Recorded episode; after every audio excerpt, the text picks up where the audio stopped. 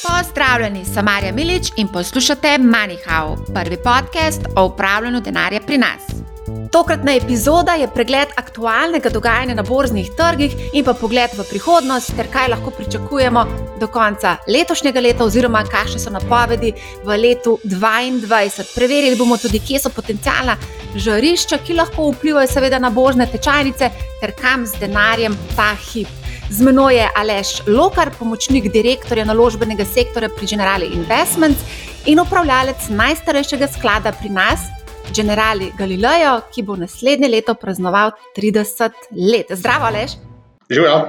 Živijo, evo, upravljalec si, če so pravilne moje informacije, že dobrih 15 let. Ja, še malo več. Ja. Še malo več, ali lahko govorimo že o 20 letih? Bomo blizu tega. Ja. blizu. Evo, danes zjutraj je bila glavna borzna novica, včerajšnji nekaj odstotni popravek cen na vzdolj. Ampak preden greva na ta dogodek včerajšnji, da je vse en pogled, kakšno leto je za nami, lahko rečemo, da je zelo uspešno da nimo prejšnji teden, 12. julija, če smo natančni, ameriški indeks SP 500 dosegel zgodovinski rekord. In če pogledamo na splošno letošnje dogajanje, so praktično vsi delniški indeksi beležili rast, z izjemo Azijsko-Pacifiške regije, ki pa je ravno zaradi včerajšnje korekcije vstopila v rdeče območje. Poglejmo še številke.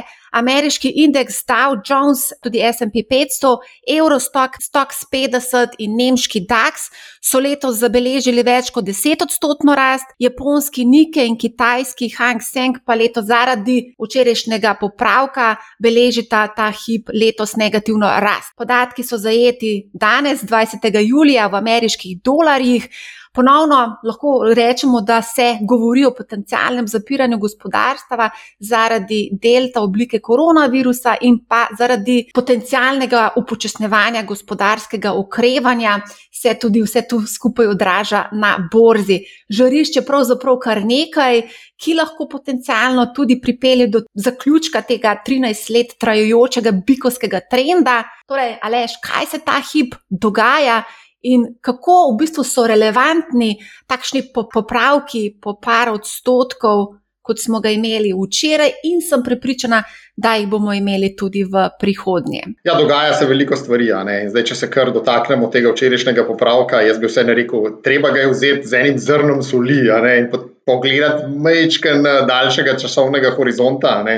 Se pravi, izgubili smo rast uh, zadnjih par tednov. Če pogledamo uh, zgodovino borz, recimo zadnjih 50 let, ne, smo videli, da, da pridejo lahko tudi mnogo hujši trenutki. Tako da uh, jaz bi rekel, da je to že na, na, na grafu zadnjega leta komaj vidno, ne, komaj viden popravek in iz tega vidika ne bi v sam ta popravek polagal preveč skrbi. Je pa dejstvo, da pik, tako kot si omenila Marija, po 13 letih je verjetno malo utrujen. Narja so centralne centralne banke pa, pa države skrejele ogromno, sploh v tem pokoronskem obdobju. In uh, sedaj je, v bistvu smo v nekem obdobju tega spraševanja, ne, kako dalje. Centralne banke so zadnje, zadnje mesece začele nekaj komunicirati, da slejko prej bo treba to veselico malo umiliti, ne, ali pa zdaj zaključiti, jo bo težko, ne, ampak zmanjšati, bomo rekli. In seveda, vsako zmanjšanje likvidnosti ima tudi svoje posledice na obvezniških in na delniških trgih. In iz tega vidika, če ob to dodamo uh, visoka vrednotenja, ne, zgodovinsko gledano so vrednotenja zelo visoka.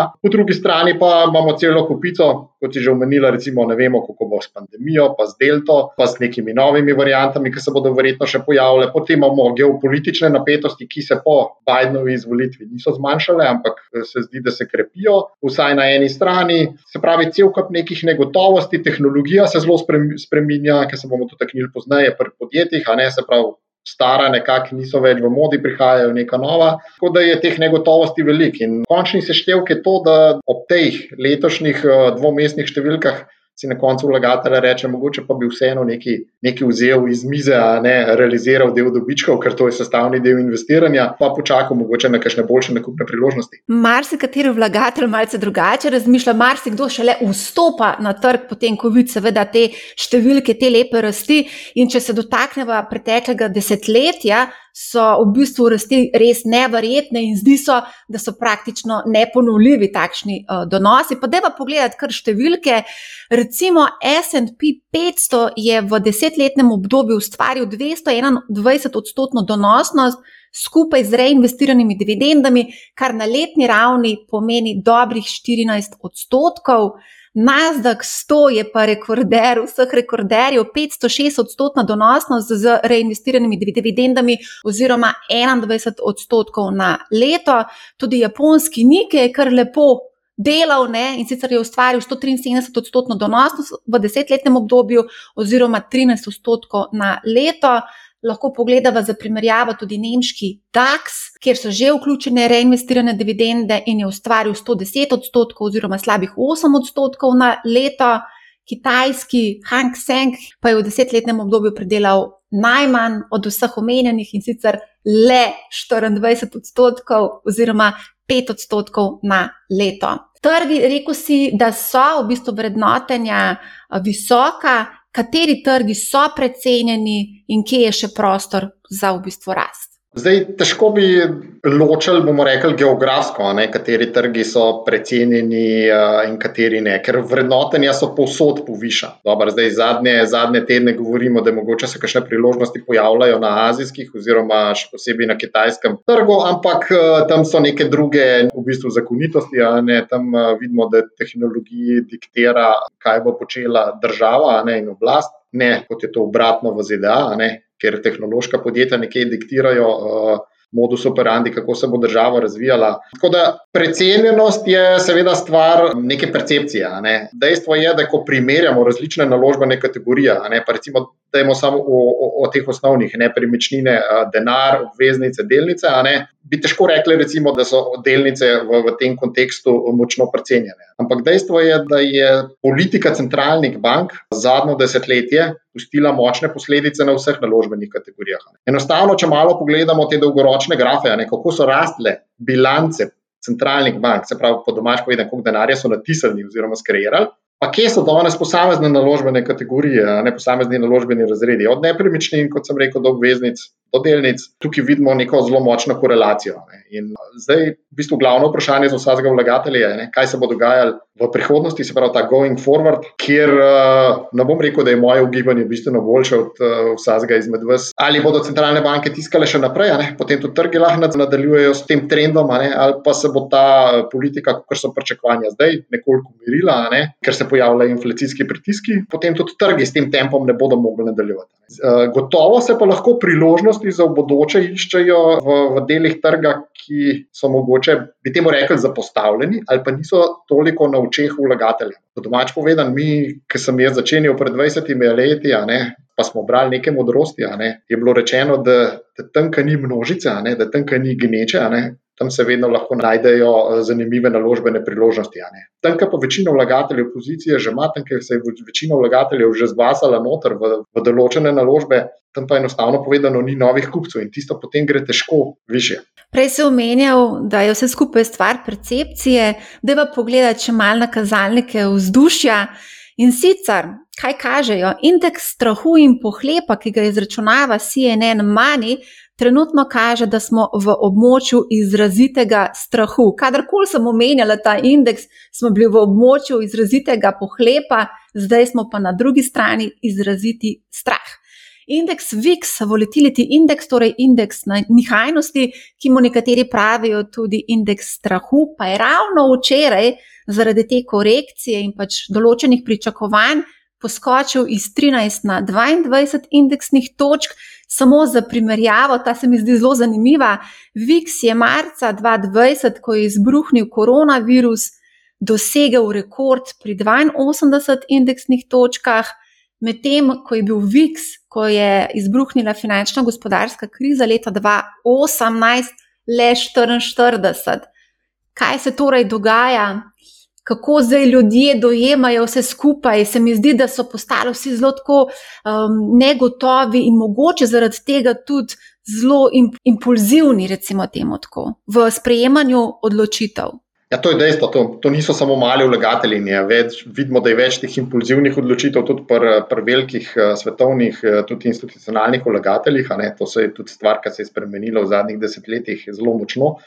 Vse to, kar smo že do zdaj povedali, ne, um, kaže, da je negotovost v, v tem finančnem sistemu precejšna, ne, oziroma velika. Velike teh neznank, kaj se bo zgodilo v prihodnje, ne, pa tudi v končni fazi, tako mali vlagatelji, kot veliki vlagatelji, nekako na podlagi preteklih izkušenj, pa tega, kar vsi znamo, ne, kar smo se naučili, neki, imamo nek občutek, da to ni naravno stanje.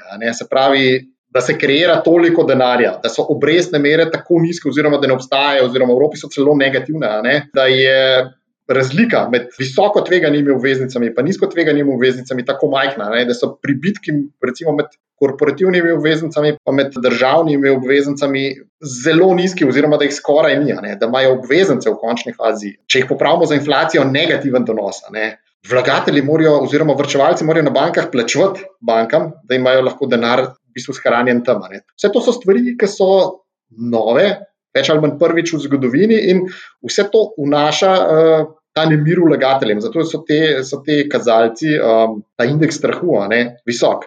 Po drugi strani pa vidimo, da še zmeraj likvidnost je visoka, ogromna, denarja je ogromno, vidimo, da so rekordni depoziti, ne samo pri nas, ampak posod po svetu. Ljudje so v, v tej koroni, v bistvu, ker so manj trošili, so ogromno prihranili. In ta velika v bistvu, zid denarja ne, nekako drži, drži v bistvu vse tečaje visoko. Ne. Zato je tudi vsem, kljub včerajšnjem popravku, ne, pa je VIX nekoliko skočil, vsem je volatilnost zadnjih tednov in mesecev v bistvu zgodovinsko gledano zelo nizka. Res je. Ja. Glede na to, da imaš že skoraj 20 let izkušenj, pa glede na to, da se dogaja cel kup nekih emocij na borzi, kako v bistvu lahko mali vlagatelj, marsikdo se prestraši tudi teh manjših popravkov. Tudi Kruno Abramovič nam je povedal v podkastu, v epizodi, ko smo govorili o vzajemnih skladih, da se marsikdo zelo hitro ustraši in potem zelo hitro tudi pobere denar uh, z borze. Kako v bistvu obvladovati svoje čustva? Kako si se ti to naučil v teh 20 letih? Ja, skozi izkušnje pa poizkusi in popravi. Po domač povedan, iz knjig se je to stvar zelo težko naučiti. Ne? To se naučiš na lastnih napakah, na lastni denarnici, ko vidiš, kaj deluje in kaj ne.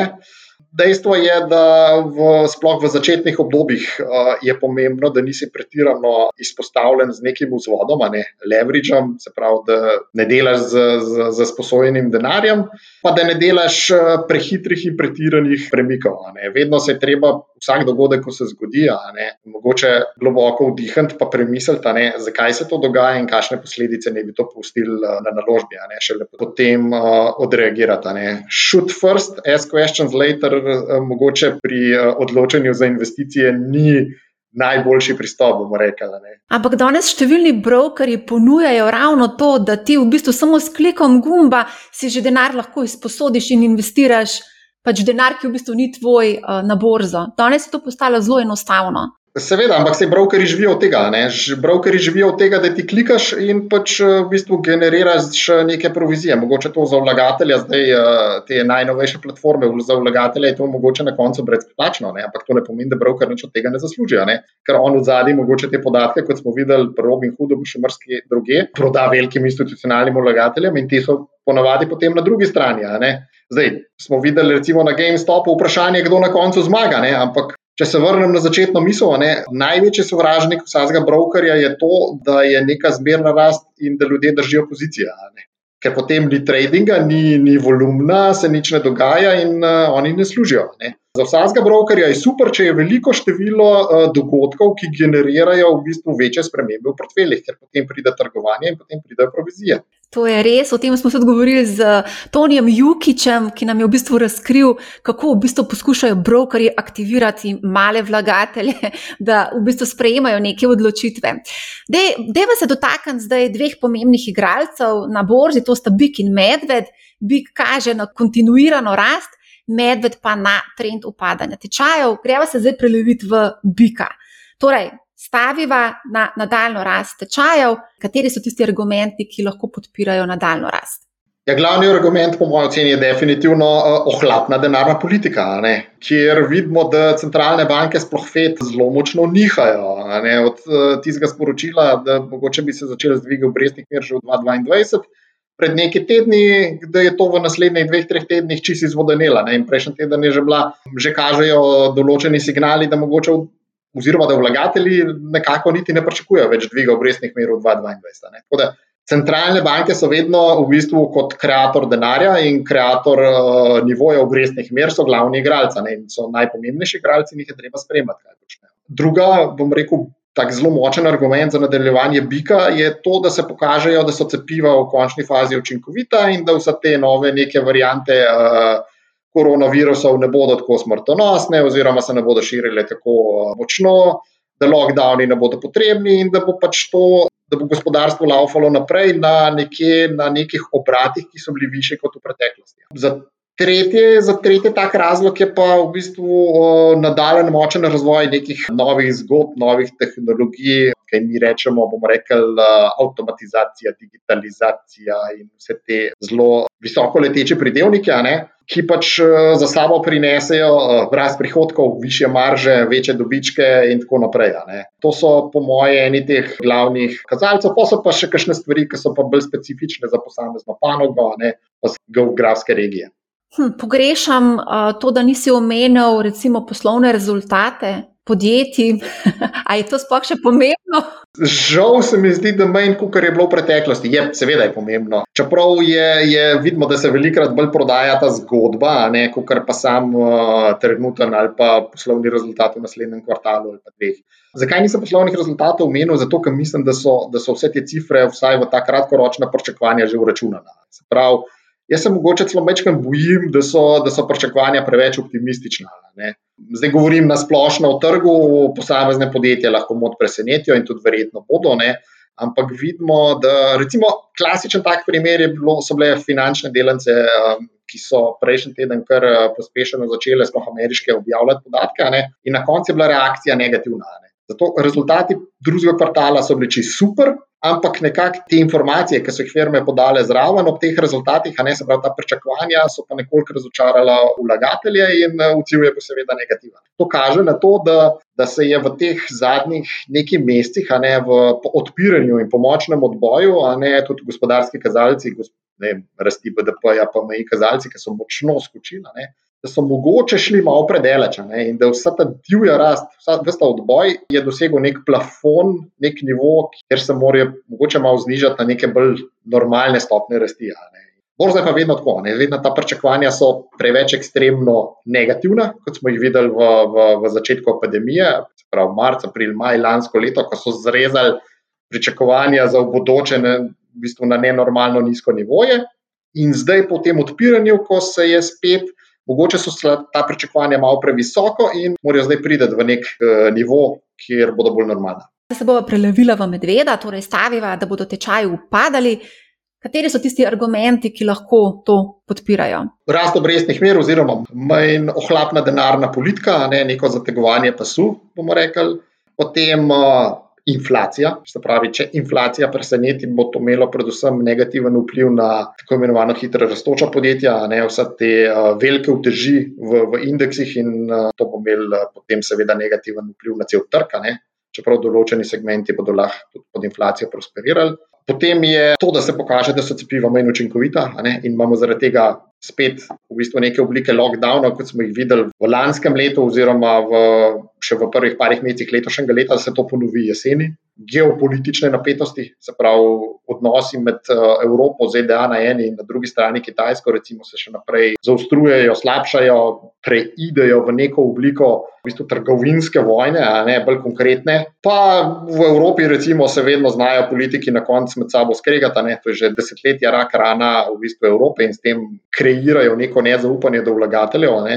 Pa še bi se kaj našlo. Ne. V končni fazi, recimo, nismo več omenili zelo velika, v bistvu ta razkorak med tistim enim ali pa enim promilom ljudi, ne, ki ima. bomo rekli, neskončno premoženje in pa sploh v Ameriki, recimo spodnjih 25%, ki ima praktično nič, ne, ta korak je enormen in to generira zelo močne neke te socialne težnje.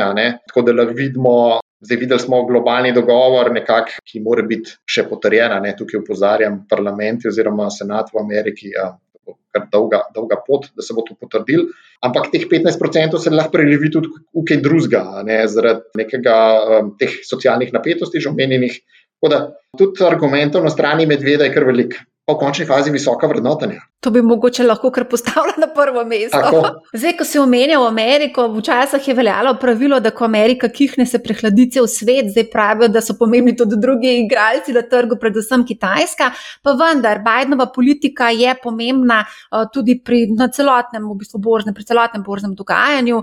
Načrtuje zvišanje davkov na kapitalske dobičke v ZDA, to seveda ne more biti dobra novica za vlagatelje. Kako v bistvu Bidenova politika vpliva na borzne trge? Definitivno je manj teh premikov, ne? volatilnost se je znižala, odkar je Biden na mesto Trumpa. Ne? Ampak določene stvari, to je moj, bom rekel, tako opažanje ne? na podlagi eh, dveh desetletij izkušenj, je, da vse ena, določene stvari niso tako pomembne od tega, kdo je predsednik, ampak je od zadaj precej širši ta administrativni aparat in grejo po določeni poti. To smo videli, recimo, da se um, nekako ta situacija, ne, čeprav retorika se je umirila, situacija s Kitajsko se pa ne umirja. Ne, ne tvita se več vseh teh uh, negativnih informacij, ampak uh, v zadnji se nekako ta tehnološki boj za prevlado v, v svetu. Se nadaljuje in te omejitve se nadaljujejo. Ne. Kar je pozitivno, sploh za nas, ne, v končni fazi je to najpomembnejše, da se odnos Amerike z Evropo se je močno popravil. Pravi, pred nami je očitno dogovor, To je desetletje trajajoč spor na, glede subvencij letalske industrije, ne, se pravi, okrog Airbusa in Boeinga. Danes je bila novica, da smo praktično pred podpisom nekega dogovora med Nemci in Američani glede severnega toka, ne, se pravi ta Nord Stream, ki je tudi v bistvu bil izvor nekih, nekih groženj s sankcijami. Umaknjene so z evropske strani, so umaknjene te tako imenovani ta digitalni davek, se pravi neko, neko ločeno obdavčevanje velikih IT podjetij. Na drugi strani bodo Američani, oziroma del so že umaknili, pa še bodo vse te neke davke na, na luksuzne dobrine, ki prihajajo iz Evrope, pa na vina, pa na sire, pa podrobne zadeve. Tako da naredil se je nek blok na relaciji Evropa-ZDA, te dve celine sta se poenotile in zdaj nekako bolj enotno nastopata tako proti Kitajski, kot recimo proti Iranu. Vsem se zdaj nekaj pozitivnega dogaja na, na odnosu do Irana med ZDA in Iranom, tako da mogoče se nam tukaj lahko obeta nek dogovor do konca leta ali pa v roku 12 mesecev, ker ne bi vsaj v tem delu sveta nekoliko zmanjšal napetosti. Na drugi strani pa, kar si umenila, ne, notranje ameriške zadeve. Um, davki bodo višji, ampak v končni fazi um, mogoče to na kratek rok ja, vpliva na marže, ampak na daljši rok, če bo izboljšal življenjski položaj, um, smo omenili spodnjih 20-30% prebivalstva in jim s tem poveča kupno moč, to ne bo tako slabo. Ne? Če gledamo zgodovino, je šlo Ameriki najbolj takrat, ko je bil v bistvu deleč najmočnejši uh, srednji razred, to so pa v bistvu 60, 70, ne 80 leta, takrat je imela, bila Amerika. Tudi v primerjavi z ostalim svetom, v bistvu največja supersila. Ne. Tako da bomo videli, veliko stvari je na mizi, veliko stvari se dogaja. Jaz mislim, da je treba stvari spremljati, pa se pač prilagajati. Ni zdaj to potrebno na dnevnem nivoju, ampak kvartalno ali pa polletno je pa, pa treba malo pogledati, ne, kje je portfelj. Zanimivo, ker ne omenjaš recimo še ene vele sile, recimo Rusije, o tem se sploh noč ne govori. Kje je Rusija danes na tem zemljevidu? Ja, Rusija je vele sila sam še v bistvu v, v tem vojaškem pogledu. Gospodarsko gledano je utež ruskega gospodarstva v, v svetovnem merilu majhna, relativno minorna. Tudi z nekako to, da je bo počasna ali bo hitra, bomo videli transformacijo na zelene vire energije. Rusija, ki je največji izvoznik energentov, malo zgublja na svojem pomenu. Delež novih tehnoloških podjetij v Rusiji, ne kljub temu, da je vse en zelo velik trg, je relativno majhen, še vedno prevladujejo naftni uh, sektor, materijali in tako naprej. Tako da ekonomsko gledano Rusija neke velike teže nima. Ma politično moč, ne, seveda, uh, meša štrene, je pomemben gospodarski partner v Evropi, ampak nekako z vidika svetovne geopolitike je danes os Kitajska ZDA. Ne. In tudi Evropa je tukaj v bistvu zdaj več ali manj postala nek satelit, uh, oziroma je satelit ZDA. -ja, Že prej tudi strani Kitajske, ne, kako njihov pogled na Evropo ni bila v središču pozornosti in ni bila vedno povabljena k mizi, čeprav si Evropa to želi. Zdaj, ko smo omenjali Kitajsko in te napetosti z ZDA, mogoče bi tukaj lahko vseeno omenila še kaj se dogaja na področju IPO-jev. To je bila zelo vroča zgodba. Kitajski finančni gigant End lani poleti, ko je načrtoval IPO, mu je seveda kitajska vlada to nekako preprečila. Podobno se je dogajalo tudi z um, transportno platformo Didi, ki pa je vsem potem uspel izpeljati IPO v ZDA. Se pravi, Kitajci na vsak način želijo obdržati svoje tehnološka podjetja na kitajskem. Ja, to se zdaj kaže kot nek očitna, neka očitna politika. Ne. Problem, bomo rekli, kitajske in celega investiranja na kitajskem je to, da je nekako vedno nek zajec skoči iz klobuka ali pa nekdo iz grma, ne na vlagatelja.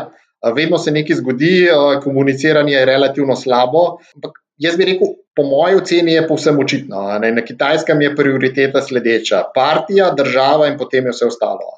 In, ker pač kitajska tehnološka podjetja imajo, seveda, ogromne baze podatkov, ne podobno kot ameriška ali evropska. Ne?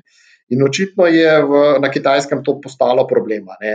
Se pravi, nek privatnik, nek eh, Jack Ma, ne more te baze nadzirati brez dovoljenja države in partije. Ne? Te zadnje poteze, ki smo jih videli strani kitajske države, so, so samo sporočilo vsem kitajskim podjetjem, sploh tehnološkim, ne, da se morajo podrediti državi in da Kitajska ne bo dopustila, da bi to postali neka, neka samostojna otočja, bomo rekli, znotraj države. Ne, ne tako, kot je v ZDA, ampak bo tukaj neka drugačna nova pot. Zdaj, ali ima to lahko vpliv na, na, na ta kitajska podjetja, da bodo ne vem, v, nekem, v nekem času, ne v petih ali pa v desetih letih, zaradi tega začeli nekako tehnološko zaostajati. Ker to je ponovadi posledica, če se začne država vmešavati v podjetja. To bomo videli, ampak eh, dejstvo je, da, da oblast eh, teh podjetij ne bo izpustila. Ne. In tudi ta Didijeva kotacija, ki imamo več zgodovine, kaj se je tukaj dogajalo v zadnji, kaže na to, da, da podjetje na koncu ni hotelo poslušati partija, ne. so naredili ti IPO. Zdaj, zakaj so ga naredili, je drugo vprašanje. Ne. Dejstvo je, da so s tem v bistvu na kak način ogoljufali ali poškodovali vse zahodne vlagatelje, ki so šli v ta projekt, pa jim niso razkrili vseh informacij. Tukaj bodo seveda sledile tožbe, ampak eh, jaz se bojim, da je škoda storjena v smislu tega, da bo zdaj vsako podoč IPO, ki bo prihajal iz teh držav, ne, percepiran kot bolj tvegan ali pa visoko tvegan in bo posledično zaradi tega prišel teže do denarja, niže bodo cene, a pa mogoče ga sploh ne bo. Ne. Pred časom sem opazila en zelo zanimiv primer ravno z Kitajske. Kitajske, ko so v bistvu Kitajci spremenili pravila igre za izobraževalne platforme, in potem so delnice vseh teh podjetij dobesedno padle za 70-80 odstotkov. Tako da lahko se pač partija spomne, da bodo spremenili pravila igre oziroma povečali regulacijo in v bistvu posledično se to odrazi tudi na vrednosti delnic. Ne? Definitivno, ne? kot sem rekel, ta pravila so zelo nejasna, oziroma se jih proti spremenja po potrebi, pa ne po standardih, kot smo jih navajeni v Evropi ali pa v ZDA, ne se pravi, da grejo skozi neke postopke, pa so možni neki ugovori, pritožbe tam enostavno, kot smo videli tudi takrat spomladi, a ne Jack Ma se nekaj časa ni oglasil, ali so ga dali v hotel ali pa so ga dali kam drugam, ne vemo. Ampak to niso neki standardi, ki so v veljavi v, v, v zahodnem svetu, bomo rekli v demokracijah. To ti dviga neke te zahtevane pribitke za tveganje, in uh, posledično so vlagatelji bolj previdni in tečaji so nižji. Res je. Ja. Greva pogledati še malce na Ljubljansko borzo. Tudi slovenski SB top je zelo lepo rasel, do 28 odstotkov z reinvestiranimi dividendami, 30 približane Adria Prime, ki vključuje tudi delnice prve kotacije Ljubljanske borze in Zagrebske borze, tudi 20 odstotkov, dobrih 20 odstotkov pridobil, torej dvomestna rast tudi pri nas. Kakšne so pričakovanja za slovensko borzo? Dobivam zelo veliko vprašanj tudi na to temo in to bomo seveda naredili prav posebno epizodo tudi o tem, ampak vseeno, kakšno je tvoje mnenje o slovenski borzi zdaj, danes in pa recimo v obdobju petih in več let? Ja, končno so zeleni časi posijali tudi na Ljubljansko borzo, tam sem začel. Ja, je nekaj zanimivih delnic, po mojem oceni, ne, na Ljubljanski borzi. Problem je pač v tem, da jih je samo nekaj. Ne, v zadnjih desetih letih se praktično nič ni zgodilo, oziroma nekaj podjetij je šlo v stečaj po krizi in so še te zginile. Ta nabor, nabor potencijalnih naložb je full majhen. Iz tega vidika je vlagatelj omejen, je pa v luči tega pretakanja denarja iz, iz depozitov na, na kapitalske trge, se najde, kot sem rekel, par zanimivih naložb. Meni se zdi zanimiva, ne, jo tudi priporočam za investiranje, ampak z, z nekim zrnom. Zrnom solija. To je en del portfelja, ampak ne, ne, ne sme biti pretežen del portfelja. Jaz mislim, da če ima en vrčevalec globalno razpršen vlagatelj 5% na lokalnih trgih, a ne v regiji, je to uh, več kot dovolj. Zdaj pa, če se kdo počuti, da, pa, da pa bolje pozna, ne, da je bolj naklonjen špekulacijam, potem pa da je bolj aktiven trgovec, bomo rekli, ne, potem pa mogoče tudi več. Ampak za enega poprečnega vlagatelja je pa to samo, samo nekako pot k razpršitvi. Zdaj, kaj pa v bodoče? Obrestne mere bodo še nekaj časa v bankah nizke. Delnice na Ljubljanski borzi večinoma niso vrednotene visoko, se pravi, so, so relativno privlačne, dividendni donosi so visoki, tudi panoge, v katerih eh, poslujejo, so relativno stabilne. Tako da jaz pričakujem, eh, da ob tem prelivanju denarja iz depozitov ne, na, na kapitalske trge, da, da lahko Ljubljanska borza nadaljuje z neko zmerno rastjo. Se mi pa vseeno zdi, da, da neke ekstremi, kot smo jih videli, recimo med 2-6 in 2-8, da v, v tej konstelaciji zvesta ne stvari, kot so naštemane, ne verjamem, da so možni. Tako da neka zmerna rast, ja, ne pa pričakovati 50 ali pa 100%. Konstelacija zvest. Okay.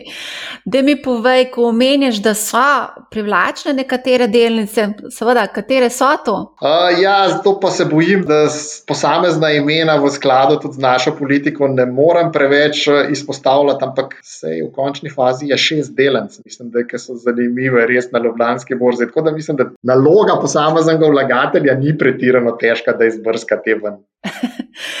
okay, gremo naprej na še eno nišno področje in sicer to so panoge, načeloma vlagateljem, malim vlagateljem, ki niso preveč nagnjeni k tveganju, nekako svetujemo previdnost pri investiranju v, v posamezne panoge. Vseeno je potrebno tukaj malce več znanja, so pa podatki tudi tukaj zelo taki lepi. Imeli smo rast na, v panogi energija, finance, komunikacije, nepremičnine, so zabeležili letos 15-odstotno rast, najmanj pa v sektorju družb, ki se ukvarjajo s preskrbo z vodo, energijo, plino, se pravi utilities.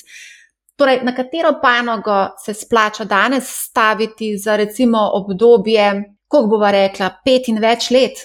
Čeprav jaz mislim, da bi bilo potrebno tukaj daljše obdobje, recimo deset let. A to govorijo res o ekstremno dolgih obdobjih. Ja. Zdaj, mogoče samo en par stavkov komentarja na letošnje dogajanje. Ne. Sploh si omenila finance, energijo. Ja, to so pa te klasična, bomo rekli, inflacijsko trgovanje, inflation trade, ne se v, v tujih medijih Pač ljudje so šli noter v, v panoge, kjer so pričakovali, da bo neka zaščita pred inflacijo, ali pa kjer bodo zaslužili za, za povišeno inflacijo. Tako se zdi na trgu, ne, da se je ta način investiranja, ne, ta trade se je mečken izpel. Tako da smo zadnje tedne spet videli, da se je selil del denarja nazaj v IT, ne, tako da smo videli razni Amazoni, pa Apple so šli na nove rekorde.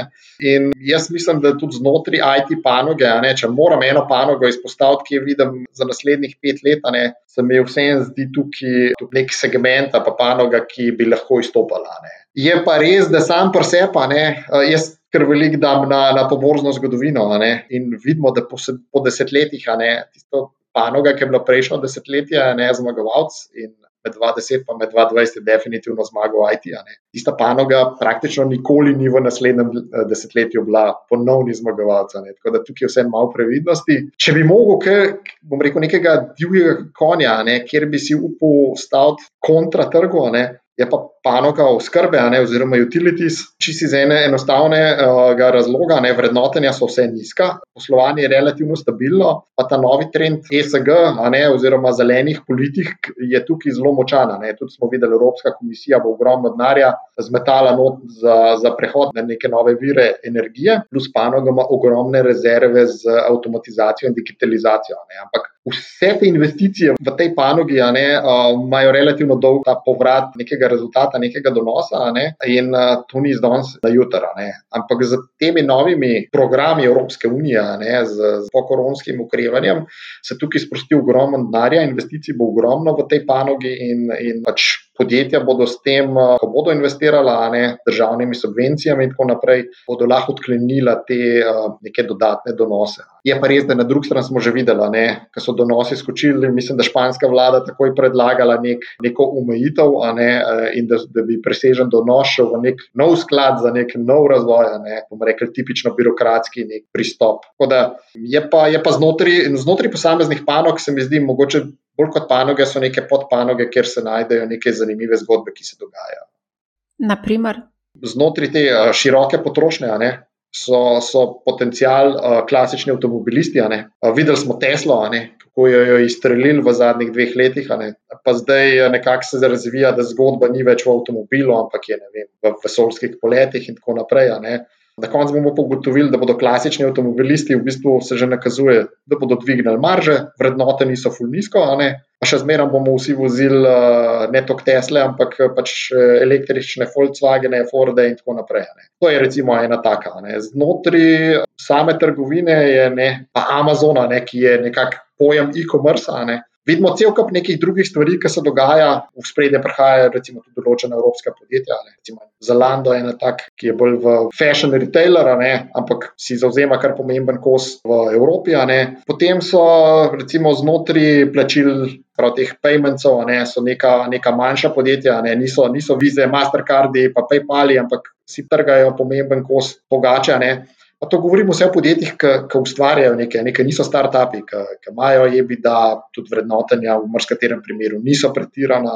Da, tukaj je, je pravim, cel kup nekih zadev, ki, ki bi potencialno lahko bila zanimiva. Ne? Znotraj, recimo, najbolj take panoge, ne, os, osnovne potrošnje, ne, se pravi, Staplesov je recimo Nestle postal podjetje, ki je zelo propulzivno. Ne, in, uh, stopne rasti se gibljajo zadnje kvartale med pet in med sedem, ne se usmerjajo na neka druga področja in uh, iz tega vidika, recimo, če pogledate gibanje te delnice v primerjavi z ostalimi, nekaterimi Staplesi je čist druga zgodba. Ne. Tako da se mi zdi, da mogoče spet vstopa v spredje malo to, da so tudi posamezna podjetja važna, ne, ne toliko uh, samo, da si bil v neki panogi, pa je, pa je vse letel pa šival. Zdaj omenil si ESG, prejšnjo epizodo smo imeli o ESG investiranju, se pravi okoljski, družbeni in upravljalski vidiki investiranja. Delnice že imajo, številne delnice, sploh te večje, imajo ESG oceno. Pogledala sem tudi nekateri tuji vzajemni skladi, imajo že ESG oceno. Ali recimo ti, ko investiraš, ko iščeš naložbe, si pozoren na ESG oceno ali ne? Na samo oceno ne toliko, ne, ker sama ocena je neko, nek točkovni seštevek vsega. Ne. Definitivno pa sem pozoren na vse te vidike, ne, ker v končni fazi so, so to stvari, ki jih bodo gledali tudi drugi vlagatelji. Sploh recimo pri ETF-ih to postaja pomembna kategorija, ne, oziroma določenih institucionalnih vlagateljih. Recimo največji sklad na svetu, ne, norveški, norveški državni naftni sklad, pa tukaj zelo stroge kriterije. Ne. In če vsi ti vlagatelji bodo določene delnice odprodajali, ne, um, recimo, ali jih pa ne bodo kupovali, se tam likvidnost na določeni delnici zmanjšuje, zmanjšuje se interes za to delnico, in eh, seveda iz tega vidika je tudi za me manj privlačna, ker uh, bom imel v neki od v bodočnosti ali manj, uh, bomo rekli, potencijalnih investitorjev, katerih bom prodal, ne, manjšo likvidnost in vse skupaj. Tako da, ja, ti kriteriji so pomembni in uh, seveda jih gledamo, ne. se pa ne zreducirajo, bomo rekli, na, na, na, na neko točkovno vrednost. Ne. Ljudje smo sicer taki, da imamo radi zelo to točkovno vrednost, ampak mislim, da je tukaj zgodba je širša in se jo ne da zreducirati na, na to oceno. Ja, ampak vseeno se mi zdi, da postaja ta ocena zelo pomembna tudi z vidika institucionalnih vlagateljev. To nam je tudi povedala Silva Deželan, ki strokovnjaki za ESG področje. Tako da bomo videli, kam bo pelal ta vlak. Mislim, ta vlak bo postal mainstream, to je, to je dejstvo. In tudi eh, slovenski skladi počasi stopamo proti temu. Ne? ne moramo reči, da smo tukaj neki bistveno odzadi za, za podobnimi evropskimi skladi. Vsi odkrivamo v bistvu to celo področje na novo. Na koncu, ja, pri odločanju o posameznih naložbah bo pomemben ta skor, oziroma ta, ta točkovna vrednost. Kot sem rekel, zgodba je širša in, in tukaj v zadnji je veliko nekih dejavnikov, ki uh, na koncu privedajo do, do te vrednosti točke, ampak važni bodo trendi, predvsem vsem, ki se pri teh dejavnikih v zadnji dogajajo. Inflacija je tudi, nek, tudi neka točka, recimo temu tako. Ne. Zdaj, so različna mnenja glede same inflacije. Nekateri pravijo, da bo povišana, nekateri, da ne bo, da bo prišlo do stagflacije in tako dalje. Skratka, mnenja so različna, številni so v precepu.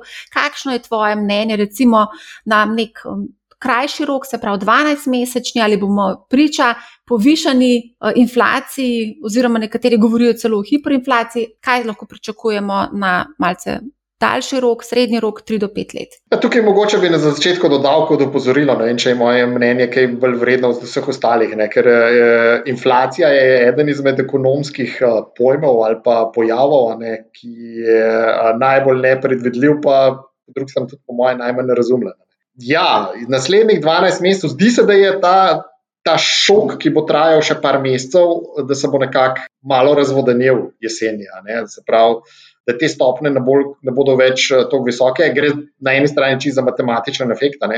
Zdaj smo nekako predihali tisto lansko letno obdobje, ko smo videli zaradi eh, vseh omejitev ne, javnega življenja, zaradi korone, ki smo videli v bistvu deflacijo, pad cen, ker ni bilo enostavno popraševanja. Zdaj bo to šlo iz izračuna ven in jesenski meseci bodo iz tega pogleda pač te stopne rasti bodo manjše. Na drugi strani vidimo, da so se zadnje, zadnje tedne um, določeni materijali malo uhladili, vse to divjanje se je, je majčkano uhladilo, uh, kovine oziroma neki drugi materijali so se, cene so se znižale 10-15 odstotkov, ne, les recimo ki je bilo zelo taka spremljena uh, zadeva, ne, se je skorigiral več kot 50 odstotkov iz vrha. Tako da tudi na, na, na prehranskih surovinah so se stvari umirile, nekje nekoliko znižene, ne. tudi neka poročila letine ne bodo tako slabe, kot se je napovedovalo par mesecev nazaj.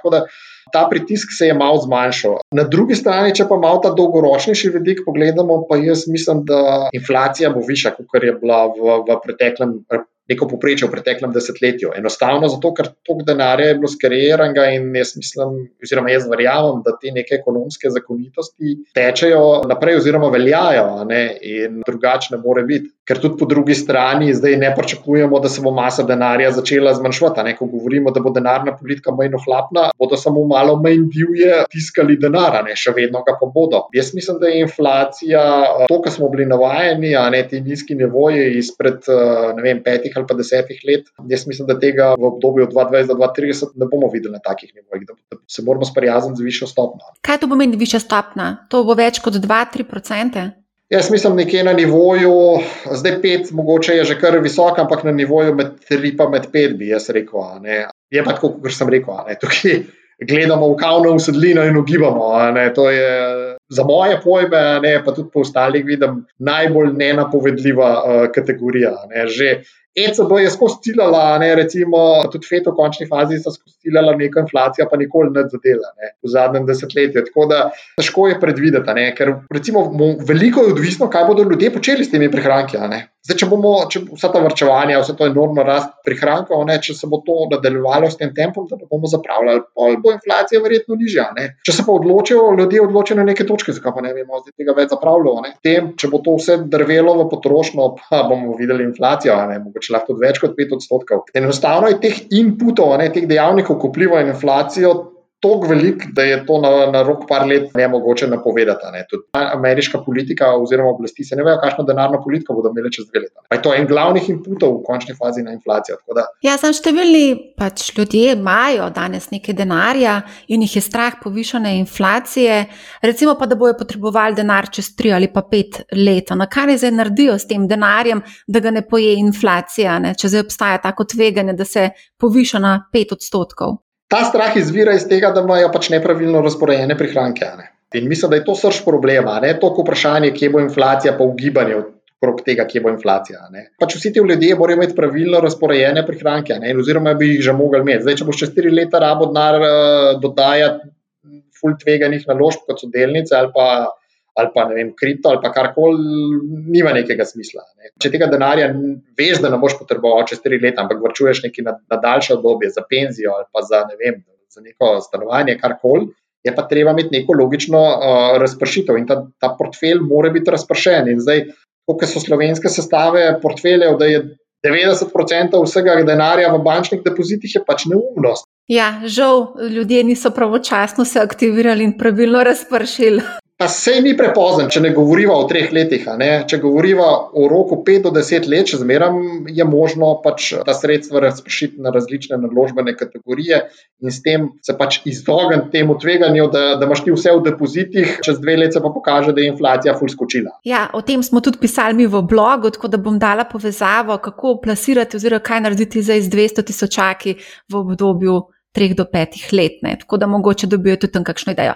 Omenil si kripto. Kot upravljalec premoženja sem prepričana, da spremljaš tudi kripto trg, vsaj te večje kriptovalute, Bitcoin, Ethereum. Kakšno je tvoje mnenje o kripto trgu? Nekateri finančni strokovnjaki, zlasti v tujini, dejansko svetujejo malim vlagateljem, da vključijo tudi kriptovalute v svoje portfelje, sicer v manjšem odstotku, pa vendar postaja kot nek naložbeni razred Ja, jaz jih vidim predvsem kot odlično šolo. Se pravi, to, kar sem jaz rabo, ne vem, prvih pet ali pa deset let, ne, da sem se naučil na borzi, se zdaj mogoče lahko na kriptotrgu naučiš že v letu ali pa dveh. Se pravi, zraste 100%, pade 50%, ne, eh, nekatere stvari izginejo, potem imaš ljudi, ki delajo vse, kar ni dovoljeno v, v realnem svetu vlagateljstva, se pravi, ne vem, front running, ne, potem manipulacije in tako naprej. Tako da nekih pravil v kriptosvetu ni, regulativa je zelo, zelo ohlapna in uh, iz tega vidika težko priporočam kripto kot naložbeno kategorijo. Je Treba se zavedati, da je to špekulacija z možnostjo rezultata nič. Zdaj, če rata super, ne, to nas ne skrbi preveč, ne, problem je tisto, če je rezultat nič. Ne. Moje osebno intimno mnenje, bomo rekli, ne, o kriptosvetu je pa to, da izhajam iz, ker veliko spremljam ekonomsko zgodovino, ampak res, res tudi uh, bolj nazaj. Ne. In uh, ekonomska zgodovina nas uči, ko govorimo o denarju, ne, da kripto kot tak ne more biti denar. Enostavno zato, ker denar je vedno, je vedno izdajala neka centralna oblast, da je pobirala senioriteto. To je tisto nad, nad neko notranjo vrednostjo. Ne. Zdaj, senioriteta danes v času elektronskega denarja je v bistvu neskončna. Ne. Ker včasih, ko si mogel kovati kovance ali pa tiskati denar, je to nek strošek. Ne. Danes, ko samo upišeš enke pa nule v računalnik, ta strošek te elektrike minimalen. In vladar, ne, oziroma oblasti v preteklosti, ne, oziroma do danes, ne, so vsakmu, ki se je v bistvu poizkušal izdati denar, ne, pa da bi bil ta valaven, so po domač povedali, snele glavo. Tako da iz tega vidika ne verjamem. Verjamem pa, da bo neka oblika tehnologije ne, prevladala. Zdaj bo to kripto evro, bo to kripto dolar, oziroma kako bodo točno funkcionirali. Dejstvo je, da ta finančni sistem, kako je funkcionira danes, pa banke zdržijo dva dni denar, pa se ne ve. Tako naprej uh, je neučinkovit in to se bo moglo spremeniti. Te, te poravnave, to bo moglo instantno teči. Kako bo zdaj to točno laufal, to je, bom rekel, presega neko moje, nam reko, znanje, ampak eh, poznavanje tega področja. Ne? Tako da iz tega vidika um, ne verjamem, da, da sta lahko Bitcoin ali pa Ether neka valuta ali pa denar. Zdaj, lahko ostaneta kot neka naložbena kategorija, kot neko prebižališče, recimo. Tukaj sem pa se sicer bolj nagibam, da je zelo težko, ampak sem že 40 plus, ne, tako da ne vem, uh, mlajše generacije so bistveno bolj temu naklonjene, tako da prihajajo za nami, odvisno, kaj bodo pač vlagatelji pripravljeni sprejeti. Meni se zdi sicer to, da spraviš bitcoine recimo, na ključek, pa ga potem zgubiš, pa to izgine. Ne, se mi zdi tako malo banalno, ne, ker če je recimo nekdo pred 500 leti zlato zakopal, ne, beremo, da vsake to cajt nekdo nekaj najde. Ne, se pravi, da tisto ni izginilo. Ne. Ampak ne vem, se pravi, kot naložbena kategorija, možno, da bo obstal. Dejstvo je, da je regulacija zelo, zelo ohlapna. Tukaj se dogaja pranje denarja, financiranje terorizma in še mnoge druge ilegalne dejavnosti. Seveda, tudi mnoge čist legalne tečejo skozi to. Treba se pa pač, kot sem rekel, zavedati, da je to izredno tvegano in da je lahko rezultat na koncu nula. Zdaj, če iz enke, rada dvojka, super. Ampak vemo, da vsi razmišljamo samo o tem. Ne. Treba razmišljati tudi o tisti negativni plati. Ja, o kriptotrgu smo tudi govorili s tvojim nekdanjim šefom, Matajem Tomažinom, ki je bil predsednik uprave KD skladov. Pripravljamo pa tudi kripto-only session, ki bo jeseni, ker bomo govorili samo o kriptu, tako da aleš, vabam te, da preveriš. Z veseljem spremljam, tudi preberem veliko, ampak eh, se pravim, nekako te osnovne ekonomske zakonitosti mi ne grejo v to sliko. Deva se pa vseeno ustaviti pri podjetjih iz kripto sveta. Coinbase, konkretno kripto borza, se je uvrstila na ameriško borzo. Nasdaq in pa tudi napoved združitve s Pakom se bo na javni delniški trg uvrstilo podjetje Circle Internet Financial Limited, ki je v ozadju tako imenovanega stablecoina, vezanega na ameriški dolar. Zdaj, vzajemni skladi in ETF-ji ne morejo neposredno investirati v kriptovalute. Pa me vseeno zanima, del pač te kriptopodjetij se premika tudi v ta regulirani del finančnih trgov zlasti na ameriškem trgu, kaj zdaj to pomeni, a to se vam zdi interesantno, da bi recimo investirali v takšna podjetja? To je zdaj malo drugačna zgodba. Ne? To pač služi oziroma um, servisira ne? del populacije, bomo rekli, zelo poenostavljeno. Te poslovni modeli so lahko čisto ok. Spremljamo, gledamo stvari, problem imamo z vrednotenjem, predvsem. Ne? Vse te stvari so zelo visoka vrednotenja, tako da tega nismo vključevali v noben portfelj. Bomo videli, no, kakšen bo razvoj dogodkov. Zelo veliko stvari se dogaja, uh, stvari se odvijajo, ne, ampak kot sem rekel, glavna ovira v tem trenutku so nenormalna vrednotenja, ki jih tukaj vidimo. Pa zelo optimistični, do, do zadnje potankosti, bomo rekli, našraufani ti poslovni modeli, ki če gre karkoli na robe, eh, bodo pa tudi vrednotenje bistveno niže. Tako da, mogoče pravim, ta optimizem se mi zdi vsem teh trenutkov eh, pri tem segmentu malo pretiran. Mogoče še to dodam. No, tudi združevanja s paki to, to kažejo. Ne?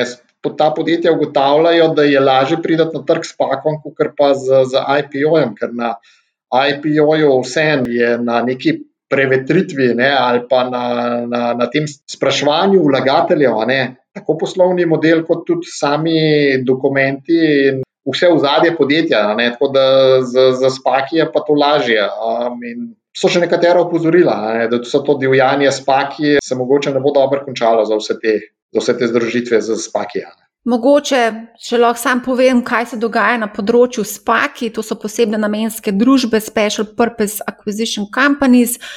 Letos je na ta način status javne delniške družbe z združitvijo s SPAKom pridobilo 400 družb, lani v celem letu 248, na ameriškem trgu pa trenutno kotira po, po podatkih Bloomberga 725 SPAKov, ki iščejo nove prevzeme. Tudi e-toro bo prišel eh, z združitvijo s Pakom na Menda na trg. Kakšno je tvoje mnenje o tem spak boomu in pa ali lahko tudi vzajemni, oziroma ali je vzajemni sklad, kakšen boš investiral kakšen spak? O, ne, to lahko kar takoj rečem. Spak je v bistvu neka sorte eh, prazna lupina, ne? se pravi podjetje, ki nima poslovnega načrta, pa išče poslovno priložnost, da bo nekaj prevzel. To jaz ne, ne vidim neke logike, zakaj bi v to investiral. Investiram pač, oziroma investiramo tja, ko vemo, kaj kupujemo. Ne? Tukaj si povsem prepuščen upravi oziroma vodstvu tega spaka, da se bo odločila. Ne? Mogoče bodo prevzeli prehrambeno podjetje, mogoče bodo vem, tehnološko etoro ali bodo pa šli v Coinbase, ne? kdo bi vedel. Uh, in tako investirati, vsaj za moje pojme, uh, težko. Ne? To spaki, kar se dogaja, to je manija. Ne? In to je posledica tega, da so centralne banke skreirale neskončno denarja pri ničelnih obrestnih merah. Ne? To se ne more nadaljevati, mislim, lahko se še nekaj časa, par mesecev, mogoče celo letošnje leto, če začetek naslednjega nadaljuje, ampak nekoč bo, nekaj, mislim, bo te zgodbe na neki točki konec. In jaz mislim, da večina teh spakov pač ne bo preživela tako ali drugače. Tisti, ki bodo imeli srečo, bodo dobili vložek nazaj. Mrzkatero, bom rekel, združitve z, z, z, z temi poslovnimi modeli bodo pa propadli. Ampak se to je naravna, naravna pot. Veliko IPO-jev in veliko teh uh, nekih start-upov, ki začne in potem najde neko financiranje, pač propade. Na koncu se vedno vsi osredotočimo na tiste, ki zmagajo, um, ki zasijajo na tej borzi, a ne vne samo pozab. Ko pač je, eh, vlagatelji se morajo tega samo zavedati, da je to eden izmed možnih scenarijev. Ne? To je tista nula, ki smo prej pri kriptu govorili. Mava pa še eno manijo, to je pa IPO manija. Gremo malo pogledati številke. Letos je napovedalo prvo javno ponudbo delnic, torej Initial Public Offering, kar 2338 družb po celem svetu, okrog 50 odstotkov jih že kotira, ostali še čakajo na svojo pač uvrstitev. Kateri IPO-ji so ti bili letos zanimivi in ali ste v katere IPO-je tudi sami investirali, oziroma ali imate možnost sploh direktnega investiranja v IPO-je kot institucionalni vlagatelj? Če začnemo od zadja, eh, investiramo seveda lahko. Prvo se moraš vprašati, ali je smiselno, ne, kje so vrednotenje in tako naprej. Zdaj, drugi če je smiselno, ne, se potem vpraša, se vprašaš, ali imaš sploh dostop do tega. Um, te najbolj zanimivi IPO-ji, ki so bili najbolj vroči, uh, realno tam ima zelo malo vlagateljev dostopa, ne, ker te velike investicijske banke, ne, za katere smo vsi slovenski skladi minoren igralec, ti enostavno ne omogočajo dostopa do tega. Ne. Tako da je to kar zaprta igra, lahko pa potem, ko se skotira, lahko potem kupiš na borzi, ampak Doskrat so bile stvari tem že krepko više in nezanimive. Ne. Smo pa delo sodelovali v ene par zadevah, ki so bile bolj tukaj regijsko izpostavljene, recimo ta polski internetni trgovec Allegro, ne, je bila ena taka stvar. Tako da bolj se mogoče malo tukaj osredotočamo na regijo, ker enostavno tukaj se lahko zraven pride. Ne. Smo to kar tudi gledali, ko je bil end napovedan, pa je potem se skrb zadeva padla v vodo. Ne, če si iskreno povedano, ne vem, ali bi uspel priti zraven ali ne, a ne se pa nam je v tem trenutku stvar zdela zanimiva. Tako da IPO kot si rekla, ogromno število podjetij išče denar, svet posledica ohlapne denarne politike, denarja je velik, v bistvu je zaston. To je ena stvar, druga stvar je pa tudi, na kar bi opozoril, ne, kar kaže na nek znak pregretosti trga, je pa to, da velik teh IPO-jev, ki se dogajajo, je private equity, ne, oziroma tako imenovani smart money, ne, odmetava naložbe, po domač povedano. Ne. Se pravi, oni sedaj na, na borze dajo naložbe in jih v bistvu prodajajo, ki so jih kupovali. Ne. Nekatere tudi samo tri leta nazaj, ne, ampak ene stvari pa pet, sedem let nazaj. Tako da to je še en tak signal, ki nam kaže, da mogoče je trg eh, res v zreli fazi. Se pravi, velika količina IPO-jev, pa velika količina teh IPO-jev, ki prihaja, da jih private equity v bistvu lista svoje ali pa odprodaja svoje naložbe in s tem v bistvu jih monetizira, ne, se pravi, pobira dobičke z mize. Trenutno je na Ravčovu Robin Hood. Ravno včeraj je prišla novica, da so nekoliko znižali ocenjen razpon cene v ponudbi. Kaj se ti zdi? A se ti zdi to zanimiva, recimo, naložba? Robin Hood ima nek nov pristop. Ne. Zdaj, jaz se bo na dolgi rok pokazal, ali ne, da je ta um, v bistvu neke sorte zero fee. Uh, Model, ali bo to funkcioniralo, ne, služi na drug način, ne, tako da prodaja podatke. Zadnjih 10-15 let nam je pokazalo, da so bila ta podjetja ponovadi kar uspešna z nekimi novimi poslovnimi modeli, ne, ki so neko disrupcijo prinesla na trge, na neke ustaljene poslovne modele. Ne, tukaj v tem brokeraži, ne, v tem borznem posredovanju, tukaj ta poslovni model je sto let star. Ne, se pravi, greš nekam, odpreš račun in plačuješ provizijo za, za trgovanje. Poslovni modeli, če so ok, evaluacijsko nisem gledal, mislim, v detajle, že, že pred časom so bile neke tiste cifre, ki so imeli oni neke interne kroge financiranja, so bile evaluacije motivacije izredno visoke, tako da v trenutku, mislim, v tistem trenutku ni bilo preveč zanimivo. Stvar ostaja odprta, se pa bojim, da tudi če bi bilo zanimivo, da nimamo, bomo rekel, slovenski vlagatelji, nimamo dostopa do, do tašnih IPO-jev. Oziroma, pa je potem še zmeraj un eh, črviček v glavi, če ga imamo, prav glede na to, da, smo, da so taki trgi rangirani zelo nizko. Ne? Se vprašaš, ali je to dobra investicija potem. Če te, če te velike tuje investicijske banke, kot so Goldman Sachs, Bank of America, JP Morgan, če, te, če, če slovence spustijo zraven, ne? da nisi na koncu prehranjevalne verige, to se potem vedno sprašuješ. da je dobro. Ja. Mogoče tudi eh, nek napotek za male vlagatelje, ki si želijo investirati v te vroče zgodbe takoj, ko pride potem na borzo, vidimo blazno nore skoke, 100-200 procent, potem pa tudi, seveda, tudi upad ne, temu sledi. Kako uh, hitro investirati v take naložbe, kdaj se umirijo te strasti, takoj po, uh, potem, ko pridejo na borzo? Ja, to vidimo, da se zadeve se umirijo od parih dni do parih tednov, odvisno zdaj, kako vroča zgodba je bila, ne pa koliko je nekih novic. Vidi se še ne bo umiril nekaj časa. Ne. Potem so pa važni te neki uh, lock-up periode, ne, se pravi neka obdobja, ko potečejo, ko nek časovni rok poteče, ko lahko obstoječi vlagatelji ali pa neki, neki novi ali pa stari ali pa management odprodajajo določene deleže spet. Ne. In takrat se spet lahko pojavi večje nihanje.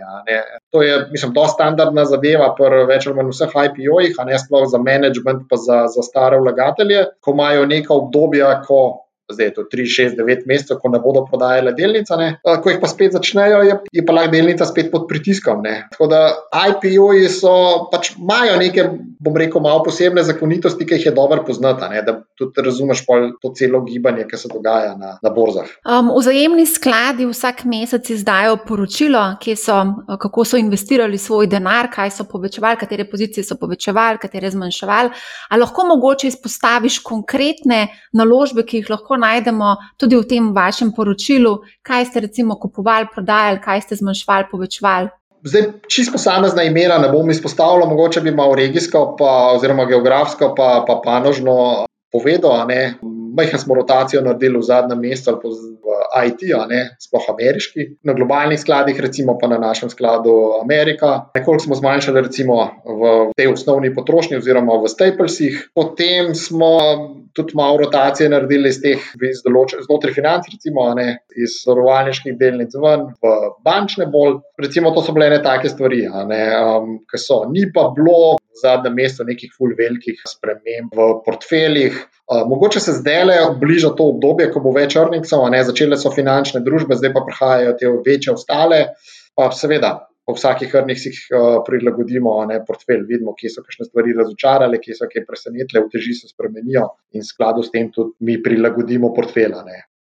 Top 10, a mi lahko poveš, katere so bile? Mislim, v samem našem poročilu nimaš, imaš top 10 naložb, ni pa povzetka sprememb samih. No, dobro, da je pa izpostaviti top 10 naložb, ki jih imate v skladu. Ja, zdaj v katerem skladu? Del, v delniško globalno razpršenem skladu. Katere so tiste naložbe, ki jih imate? Največjo teži imajo potem te ameriške IT podjetja, ne? kot so Apple, Amazon, Google, Facebook, Microsoft, pa pa se že pride kašna banka. Ampak recimo v našem globalnem, ne, ki se je preoblikoval v aprilu-maju, bivšem dividendnemu, je Amerike cirka 55% portfelja. Tako da znotraj tega so tudi največje uteži te največje podjetja. Ne. Kateremu benchmarku pa sledi, oziroma kateri je ta primerjalni indeks, ki mu sledi ta vaš sklad globalni? MSC je World All Countries, se pravi globalni, ki vključuje vse trge. Treba, sam, treba biti pozoren, ker sta dva. Eden vključuje trge v razvoju, en pa ne. ne. Naš vključuje tudi trge v razvoju. Imamo noter tudi delnice iz trga v razvoju.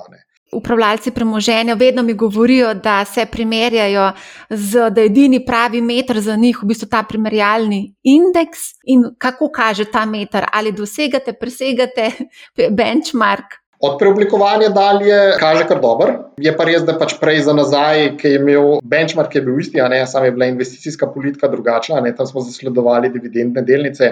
Je pa seveda bil razkorak, ampak je, rekel, logika investiranja je bila čist drugačna. Zadnji, zadnji mesec, mesec pa pol, pa moram reči, da je zelo dobro. Kar. Kako pa se recimo odločiš, katere pozicije boš zmanjševal ali pa povečeval v v določenem skladu ali pa v portfelju? Recimo, kot sem rekel, zdaj je čisto konkretno, da le, ko bodo rezultati vam prihajali, pa bomo videli, kakšni so rezultati, a ne zdaj bodo pozitivna, negativna presenečenja, pa pa videli, zakaj je do posameznih presenečenj prišlo. Na podlagi tega bomo lahko določene uteži povečali ali pa zmanjšali. Ne, če vidiš, da je nekaj samo začasne narave, ne, potem lahko ne narediš nič. Ne. Če pa vidiš, da se pri določenem podjetju pojavljajo neke težave ali pa neki bolj dolgoročne narave, ne, potem se lahko odločiš, da pač povečaš tisto, kar zgleda bolj perspektivno, pa zmanjšaš ono, ki je manj perspektivno. Ne. Recimo, konkreten primer znotraj sektorja osnovne potrošnje, Staplesov, znotraj Evrope, kot sem prej rekel, vidimo, da je Nestle bolj propulziven od ostalih, ne, kot so recimo Unilever ali pa Reken Kiser, oziroma še nekaj takih podjetij, Danone. Ne, in zaradi tega imamo večjo vtež v Nestleju, kot v teh ostalih omenjenih. Mogoče si marsikater poslušalec predstavlja, da precej aktivno trgujete. Koliko v bistvu je tega trgovanja pri upravljanju premoženja in koliko v bistvu transakcij upraviš v poprečju recimo na dan ali pa na teden. Kar neki, je pa to zelo uh, tako. Pride kampanjska, bomo rekli. Ne? Kot sem rekel, zdaj, ko bo več rezultatov, bo, bo več tudi transakcij, ali pa če se kakšni dogodki zgodijo na trgu, je lahko tudi več transakcij. Če pa zadnji teden jih je bilo pa zelo malo, v bistvu, ker je, je bilo en tak relativno tiho obdobje, trgi so šli malo navzdol, ampak v bistvu nič konkretnega. Manjše spremembe smo upravili pri rezultatih bank, pri ameriških, ampak to so bile res minorni popravki. In v bistvu čakamo ne, na to glavnino objav rezultatov, in pa bo tudi več transakcij. Zdaj, koliko je to na letnem nivoju, na sklad, jaz bi rekel, da je gotovo več kot ena transakcija na dan. Ne. Ampak pride dan, ko imamo vem, 30 transakcij, 40 transakcij. Recimo, če se odločiš, da boš povečal delež denarja, pa zmanjšal utež v, v delnicah, to pomeni, da nekako probaš. Pa ti je struktura ok, se pravi, da, da ne bi bistveno spremenil strukture, lahko zmanjšaš 30-40 pozicij za, za, neko, za nek delež in ta, potem gre to v denar, ne, imaš večjo pozicijo v denarju. Ampak s tem si naredil lahko 30-40 transakcij ne, in je to že več kot ena transakcija v povprečju na mesec. Da, ker imamo veliko pozicij, tudi pride veliko transakcij. Dosti krat slišimo na svet finančnikov, kupi naložbo in pozabi na njo. Se pravi, aktivno versus pasivno, oziroma kauč investiranje. Kako komentiraš to? Ja, mislim, da mogoče bi še to pri transakcijah poudaril. To ne pomeni, da, si, ne, da bom pa zdaj, da recimo odprodaš cel Apple, če bomo slabe rezultate. Ampak zmanjšaš utež, pa mogoče povečaš utež na česa druga. Ja, mi smo zagovorniki aktivnega upravljanja. Ne. Jaz tudi nisem zagovornik, da kupiš uh, naložbo, pa jo pozabiš. Sej to nikjer ne moreš. Ne. Ne vem, kupiš stanovanje, še kar na njega pozabiš. Čez dve leti začne voda puščati. Sprav, ko se moraš ukvarjati. Ne. Je pa res, da, da se ni treba. Tudi, jaz mislim, da si ne moreš prvoščiti, da boš kupil po pozabu. Stvar moraš spremljati, moraš vedeti, pri čem si. To je naloga, naloga vsakega posameznega vlagatelja, tudi tistega, ki ima mogoče neko upravljanje premoženja, pa ima upravitelje, ki to za njega počnejo. Je pa res, da to ni treba početi na dnevni bazi ali pa celo znotraj dneva. To, tega pa jaz ne za svoj portfelj, ne za, za sklad, v bistvu kot tako ne počnem, ne? tega nekega dnevnega tradingja. Tukaj pa jaz ne vidim nobene dodane vrednosti. Se je pa treba vsak dan sprot sprašovati, svet se ni ustavil. Ne, teče naprej in dogodki se vrstijo in dogajajo. No, da jim greva dati še mogoče en tak konkreten nasvet, recimo, da ima danes nekdo 20 tisočakov denarja, je pripravljen tvegati več, uh, bi investiral seveda tudi dolgoročno, skrbi ga pa, da so trenutna vrednotenja na rekordih, kako plasirati ta denar na trg 20 tisoč. Jaz bi to potem splasiral v enakomernih obrokih, 12 krat, se pravi, razbil bi na 12 mest, 12 krat po teh tisoč in še nekaj evrov, ne? se pravi, vsak mesec in bi se tega držal, ne glede na to, kaj se na trgu dogaja, ker probleme ljudje to še naredijo, ne? potem pa začnejo tečaj, malo drsi, pa začnejo čakati. Ne?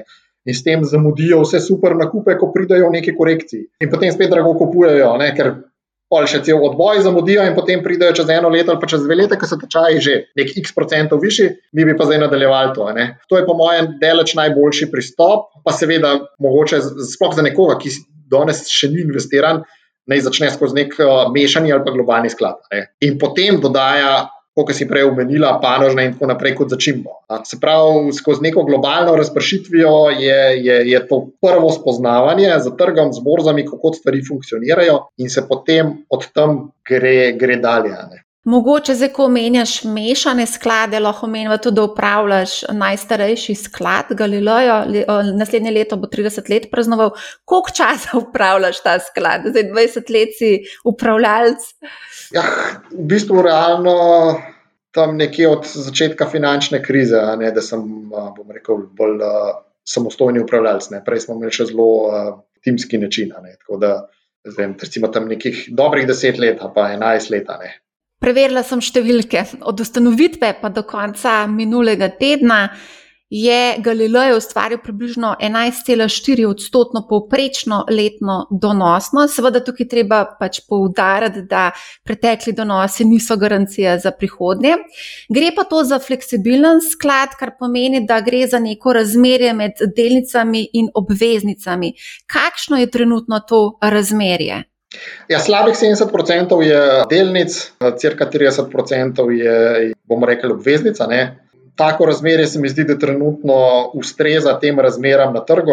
Se pravi, delnice niso ful pocena, znotraj obveznica, ne, oziroma teh naložb s fiksnim donosom, nimaš kam iti več, ne, ker je vse več ali manj blizu negativnega donosa. Seveda, če bi bila kakšna korekcija, ne, bi mi zelo ustrezalo na takem skladu, bi lahko povečal utež uh, delnic. Jaz mislim, da, da je, je tako razmerje primerno stanju na trgu, se pa to lahko prilagodimo, bomo rekli, na dnevnem nivoju, ne pa spremenimo alokacije oziroma uteži posameznih naložbenih kategorij, ker je investiranje globalno, Dobar, obvezniški del je v, v evro, v evropskem koncu, delnice so pa globalno, tako da tukaj likvidnost ni nobena ovira. O obveznicah danes nič nisva prav preveč povedala. Gre sicer za nek naložbeni razred, ker načeloma mali vlagatelji ne grejo investirati direktno, ampak v bistvu bolj preko zajemnih skladov in pokojninskih družb nekako sodelujejo na tem naložbenem segmentu. Eh, kaj lahko zdaj poveva trenutno o dogajanju na obvezniškem trgu, pa da je se mogoče sam skoncentrirati kaj na državne, ali bi morda tudi podjetniške mal, malce pogledala? Par besed lahko rečemo tudi. Ja, državne so, um, videli smo ta kar lepo la, rast v bistvu obveznic in s tem padec zahtevanih donosnosti v zadnjem tednu ali pa dveh. Ne? To nekako gre v skladu s tem znižanimi pričakovanji glede inflacije, pa znižanimi pričakovanji glede dviga obrestnih mer v, v ZDA, ne? pa posledično se malo to prelije tudi v Evropo. Ampak suma sumarum, v primerjavi s trenutnimi inflacijskimi nivoji, obveznice še zmeraj imajo v bistvu negativno donosnost, po eni strani, po drugi strani tudi sam nominalni donos je, je zelo, zelo nizek. Pa predstavljajo, če se kakšni večji, bolj sunkoviti premiki zgodijo, predstavljajo kar neko tveganje. Za, za seveda, percepcijo varnosti. Se pravi, če bi inflacija presenetila, ali bi presenetile centralne banke z dvigom obrestnih mer. Tako da niso zelo privlačna kategorija v tem trenutku. So pa za del vlagateljev še, še zmeraj precej manj tvegana kategorija kot delnice.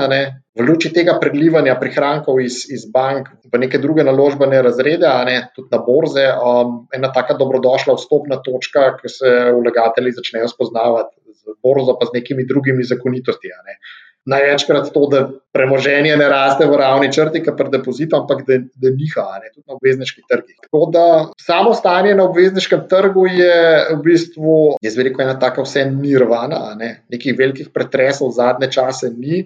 Pribitki, ki so rekomendirali korporativne obveznice, so nad, nad državnimi so rekordno nizki, ne, se pravi, da je nekakšna percepcija, da so podjetniške obveznice enako varne, kot, pa skoraj enako varne kot državne.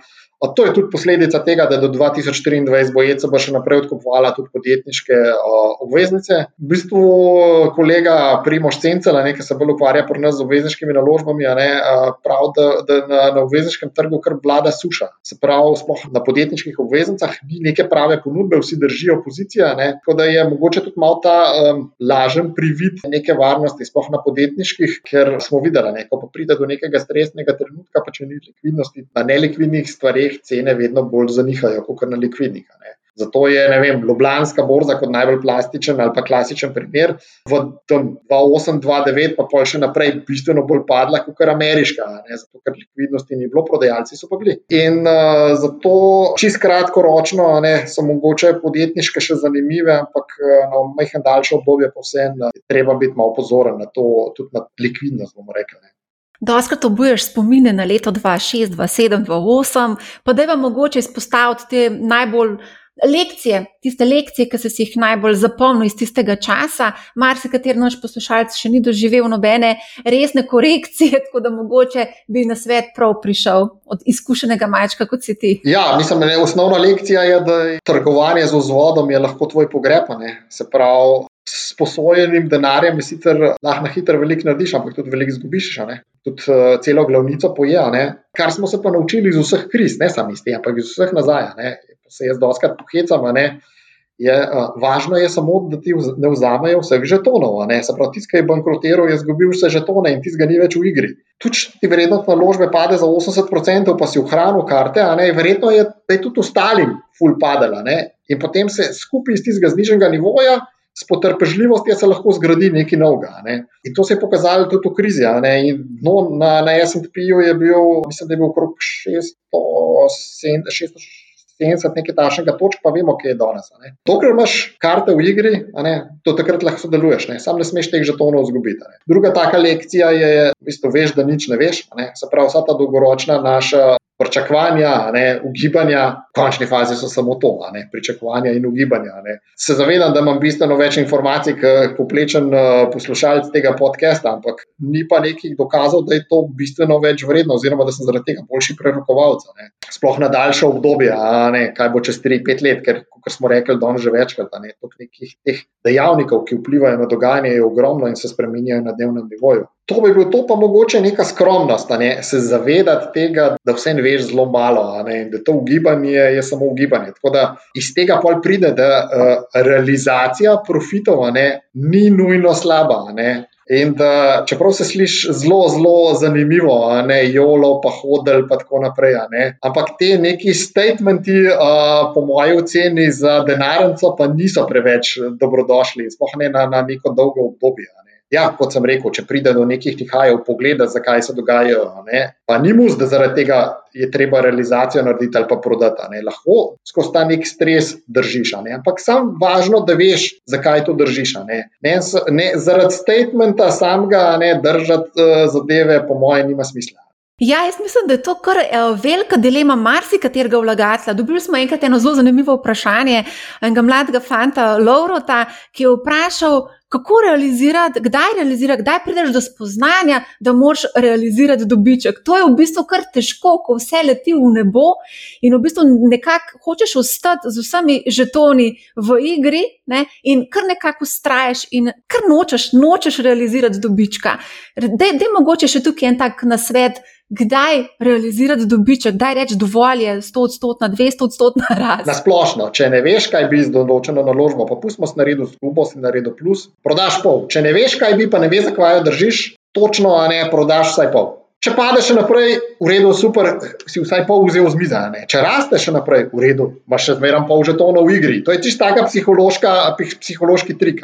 Zdaj, še bolj super je, če pa že veš na začetku, ko si šel na ložbo, pa so tvoji cilji, pa do kje boš držal. Če si rečeš 100 posto, bom naredil, pol se tega drž, potem, ko, ko res raste zadeva 100 posto, se drž vsaj tako, da vsaj pol prodaš. Da pober neki z mize. Osnovno glavnico si vzel z mize, pa se igraš z dobičkom. Ne? Zdaj, nekateri pravijo, da tako nikoli ne bo boš, uh, ne vem, multimilionar ali pa milijarder, ampak bodimo realni, ne? večina izmed nas ne? to nikoli ne bo. Ne? Tako da to za, za redke primere deluje ne? in te ljudje, ki so s tem uspeli, se pohvalijo.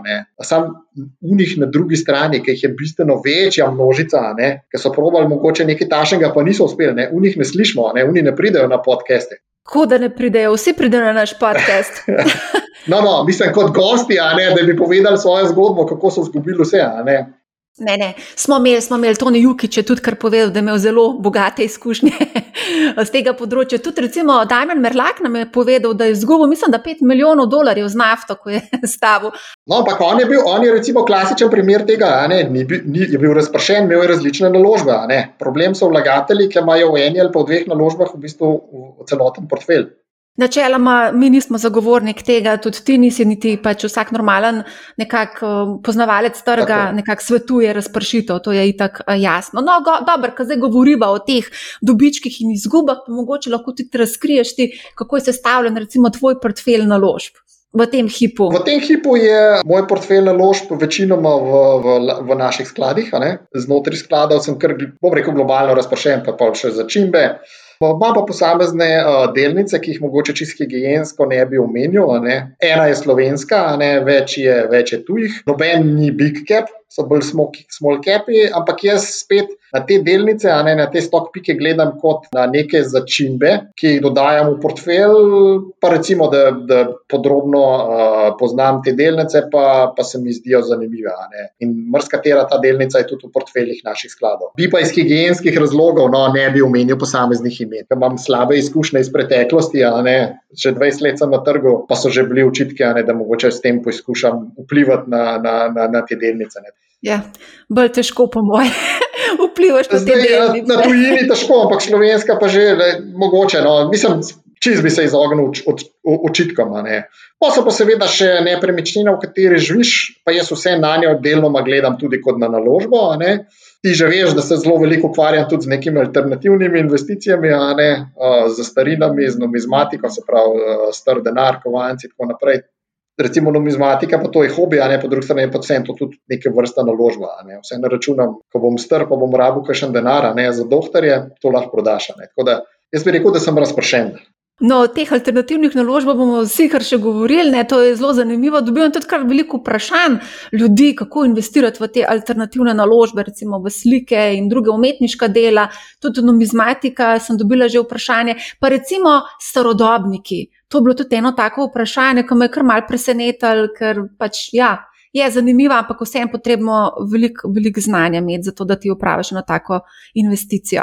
Drži, se strinjam. Predvsem bom rekel, ni nekih standardiziranih finančnih produktov, vsaj ne pri nas, ki bi ti omogočala. Ne. Tako da na določeno področje se pač potem moraš spoznati, morate biti blizu, morate biti priljubljeno. Zdaj, da boš samo starodobnika kupil, pa ga zaklenil v garažo, pa nikoli več pogledal, pa bo pridobival na vrednosti, to je dosti brez veze. Morate biti, se pravi, avtomobilizem v veselje, da se kakšno soboto nedeljoma v krog zapeleš, da kakšnega kampeleš, pa da ga malo sam pošraufaš, pa tako naprej. Isto je pač, bom rekel, z mojo numizmatiko. Meni je to v veselje odkrivanje zgodovine, ekonomske in drugačne, pač uh, skozi hobi, potem je lahko tudi investicija. Zdaj, da bi samo, bom rekel, nekaj kupil, samo zato, da bom dražje prodal, to, tega ne počnem in tudi ne vidim smisla. Ne. Tudi ne funkcionira ta stvar tako. Tukaj niso standardizirani produkti, likvidnost ni, ni tako uh, dobra, kot je pri delnicah, tako da iz tega vidika potem to naložbene nima smisla. Zdaj, ko omeniš starodobnike, pa vožnja okrog, na, recimo, lahko kot zanimivost povem, imamo tudi mi nekaj umetniških del, ki jih posojamo za razstave. In ja, tako v bistvu nekako buildaš tudi v bistvu vrednost tega umetniškega dela. Ne. Seveda, treba je delati na tem, nobena stvar ne pride samo od sebe. Tako da treba je s temi sorodnimi urodji, marketinškimi pristopi in tako naprej si pomagati, da, da nadgradiš. Sej, zakaj pa so, bom rekel, Picassove ali pa ali pa ne vem, marsikere slike so tako uspešne. Ne? Zaradi vsega eh, dela v marketingu in vso promocijo vloženega od, od nastanka. Sej, uh, na koncu imaš nekaj umetnikov, ki recimo malo starejših mojstrov, ki izgledajo podobno, ne? pa niso uspela. Ne? Nekaj se je zgodilo, neki trenutki so se zgodili v preteklosti, zaradi česa je pač uh, zgodba postala kečija. In uh, to je to. Ja, lež, odlična debata, najlepša hvala za v bistvu ta upogled upravljalca v aktualno dogajanje na trgu.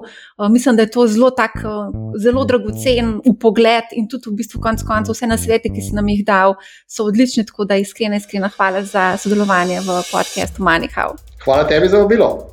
Tako, za konec en mini update. V uvodu za lešem omenjava ponedeljkovo mini korekcijo, ko so tečaji upadli za par odstotkov, z naslednji dan pa lahko povem, da se je zgodil odboj prav tako za par odstotkov. Takšna nihanja pravzaprav niso nič posebnega in so nekako pričakovana. Zanimivi pa so bili predvsem odzivi, ki kažejo, da na borzi vlada nervoza. Čeprav se je zgodil minimalni popravek, smo lahko videli naslovnice oziroma članke, da prihaja borzni zlom. Zdi se, kot da bi bili vsi nekako v pričakovanju tega in morda celo tekmujejo, kdo bo prvi napovedal zlom. Na negotovo prihodnost in strah pred neznanim pa konec koncev kažeta tudi kazalnika vzdušja, kot že omenjeno v tej epizodi, VIX, torej indeks nihajnosti in CNN-ov manj. Fear and Greed Index. Bombastične novice jemljite malce z rezervo, predvsem pa, če slabo spite zaradi borze, razmislite o nasvetu, da bi pobrali del dobičkov in jih potem, seveda, ko se zgodijo večji popravki, reinvestirali. Za vse, ki bi želeli vedeti, ki imam sama investiran denar, pa sem del portfelja tudi razkrila. Kot specializirana novinarka za osebne finance sem ga pravzaprav razkrivala zadnjih 15 let.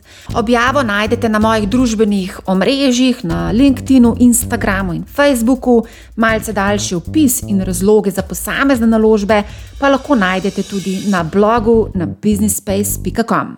Če imate kakršno koli vprašanje vezano na investiranje, mi pišite na marjaafnabusinessspace.com.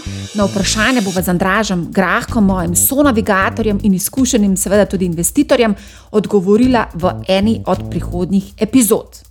Slišali ste tudi, da pripravljamo Crypto Only Session, ki ga bomo tudi streamali preko YouTube. Vabim vas, da se naročite na naš kanal. Povezavo bom objavila tudi v opisu tega podcasta. Hkrati, seveda, vas vabim, da se naročite tudi na druge naše kanale, da boste pravočasno obveščeni tako o novih epizodah in vseh drugih aktivnostih, ki jih pripravljamo za vas. Če imate kakršno koli vprašanje, mi pišite na marja.afnabusinessspace.com ali preko katerega od družbenih omrežij. Naročite se na podcast Manihau, zelo bom vesela, če boste posredovali informacijo o podkastu prijateljem, znancem, sorodnikom in vsem, za katere menite, da bi jim vsebina lahko koristila. Poslušajte Manihau, ne bo vam žal. Lep pozdrav!